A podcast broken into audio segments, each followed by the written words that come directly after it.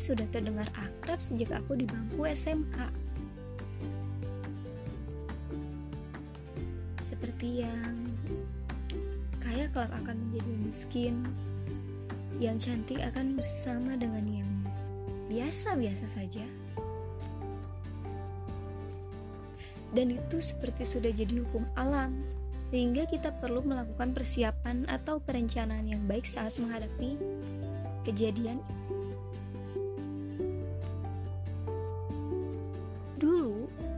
saat pertama kali aku mendapat pekerjaan, rasanya cukup mudah. Dalam satu hari, aku bahkan dapat dua atau tiga perusahaan sekaligus sampai-sampai aku harus memantapkan hati untuk memilih perusahaan di mana aku akan bekerja waktu itu. Aku melakukan seleksi dengan mencari tahu tentang latar belakang perusahaan, mana yang paling menguntungkanku. Aku memilihnya seperti gadis ABG yang sedang memilah-milah pakaian yang akan ia kenakan.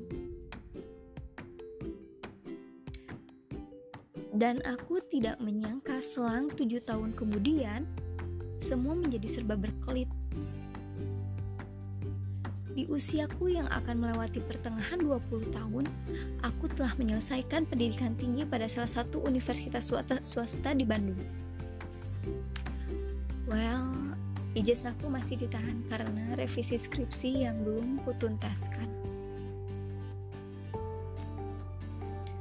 Setahun sudah aku menjaga jabatan sebagai pengacara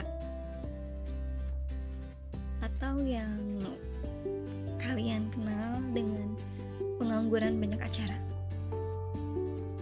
Itu karena setiap kawananku mengajak bertemu, aku selalu memiliki alasan yang alasan untuk menolak. Tugas numpuk lah, seminar skripsi yang harus segera aku selesaikan, sidang jadwal sidang yang makin mepet dan itu semua benar adanya.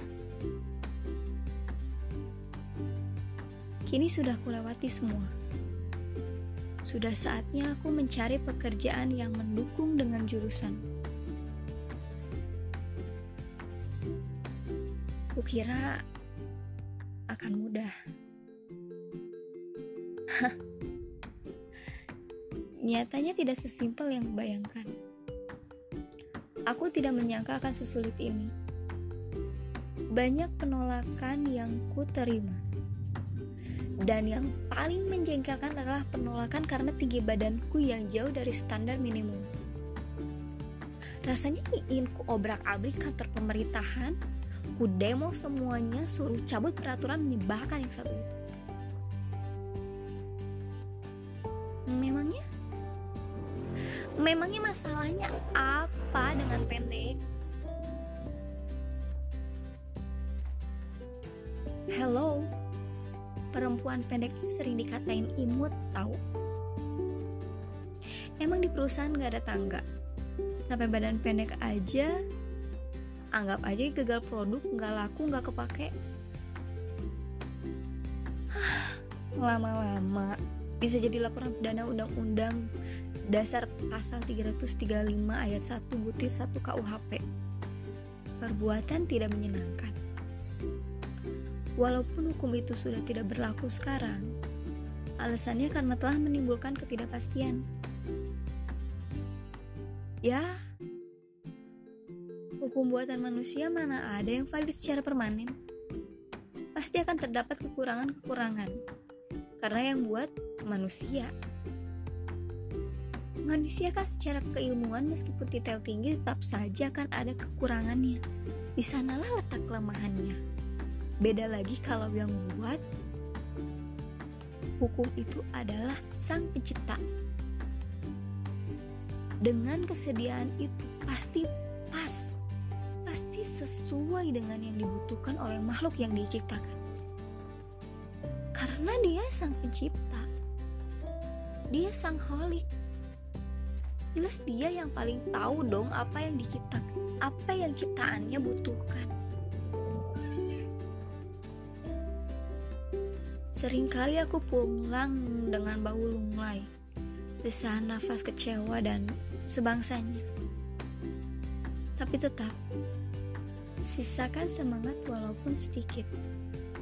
Harapkan terus pada Allah Subhanahu wa Ta'ala. Jika kita mengharapkan padanya, tidak akan ada upaya yang sia-sia. Menunggu informasi panggilan dari hari ke hari, minggu ke minggu, bulan ke bulan. Suami dari saudaraku memberikan informasi lowongan kerja. Senangnya bukan main. Akhirnya yang ditunggu-tunggu Kurencanakan esok hari aku akan berangkat ke sana. Tapi person yang kuhubungi mengatakan bisa datang hari ini enggak? Interview terakhir sampai jam 2 siang ini. Wow. Jadi langsung interview. Prosesnya kilat banget, nggak harus nunggu beberapa hari. Kulihat jam menunjukkan pukul 10 lebih. Aduh, belum mandi. Baju belum disetrika. Tapi sanggup bisa jalan. Oke pak, siap jarak jauh? Ya tak apa. Kan ada motor. Yang penting dapat kerja. Itu yang ada dalam pikiranku. Sebab aku punya endapan yang sudah menumpuk satu tahun lebih. Harus segera kulunasi.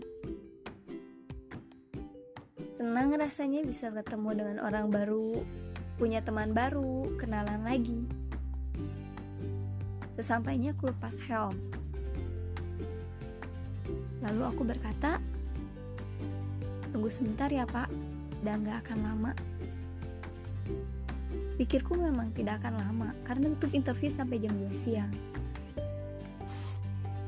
Sampai di dalam kantor, aku diarahkan menunggu di ruang tunggu sebelum interview. Tidak butuh waktu lama, aku masuk untuk interview dan aku tidak masuk sendirian, ada pelamar lainnya dan aku kenalan dengannya namanya adalah Ucup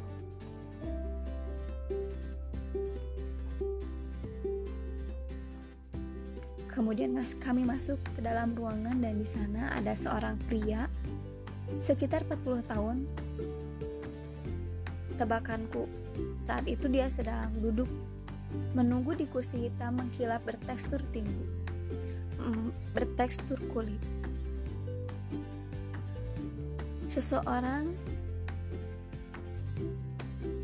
yang duduk saat ini telah aku kenali rupanya ia berusia 39 tahun. Sudah beristri dan mempunyai satu anak. Begitulah informasi yang ku dengar dari seseorang.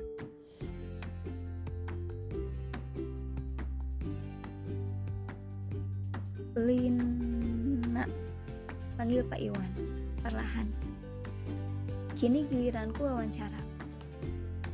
Sebelumnya yang diwawancara adalah Ucup. Tapi sudah selesai. Dan dia masih duduk di samping kursi sebelah kanan. Ya pak? Jawabku terkesiap seperti anak yang baru merasakan interview. Coba ceritakan pengalaman kerja. Lina di mana aja? Tanya Pak Iwan.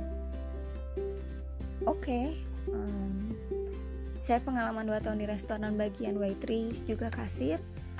Uh, kemudian saya akan saya pernah bekerja di kantor notaris bagian admin selama 4 tahun. Pak Iwan mengangguk pelan kepalanya sambil melihat-lihat resumeku.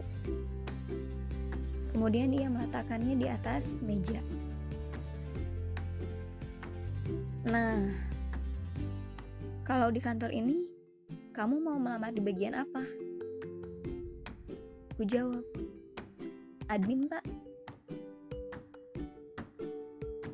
Oke. Kalau sebelumnya sudah ada pengalaman administrasi di perkantoran, kalau ada nanti langsung ditempatkan ke bagian sana. Ucap Pak Iwan.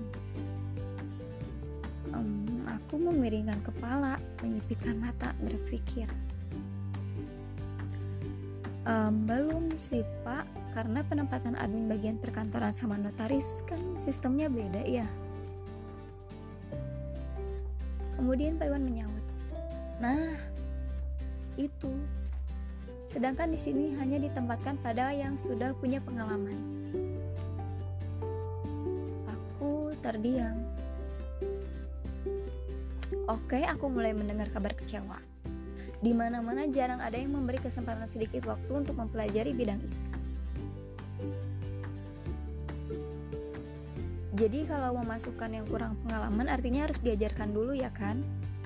Kalau di sini perlunya yang sudah ada pengalaman, jadi waktu masuk langsung ditugaskan. Begitu kata Pak Iwan. Oh, gitu ya, Pak. Ku terima dengan perasaan kecewa. Otakku berputar. Apa mungkin ini artinya aku tidak mendapat tempat di sini? Kemudian Pak Iwan berkata, paling dimasukkan di bagian konsul. Tawarnya. Mataku melirik. Konsul? Tanyaku. Bidang yang jarang ku dengar. Kupikir bagian konsul itu khusus yang memang punya kendali yang kendali pada bagian tersebut. Jadi tidak sembarang orang ya memang sudah dikhususkan pada bagian itu. Kalau mau, besok datang lagi ke sini jam telapak tangannya menopang dagu dan telunjuknya menyentuh hidung. Berpikir, jam 8 sudah di sini ya.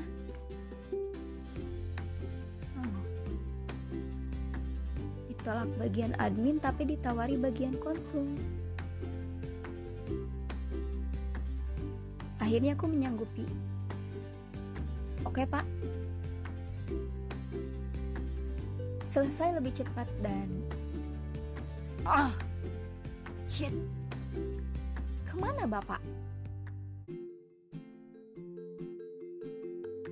Aku mencari ke mana-mana, melirik di kiri, melirik ke kanan, melihat satu persatu motor yang ada di depan kantor. Tidak ada. Akhirnya aku memutuskan berjalan. Yang saat itu berpikirkan mungkin ia sedang menunggu di depan mall. Karena sebelumnya aku sudah bilang untuk menunggu sebentar. Tapi nyatanya tidak dengar dan aku menunggu jemputan sekitar 30 menit lamanya.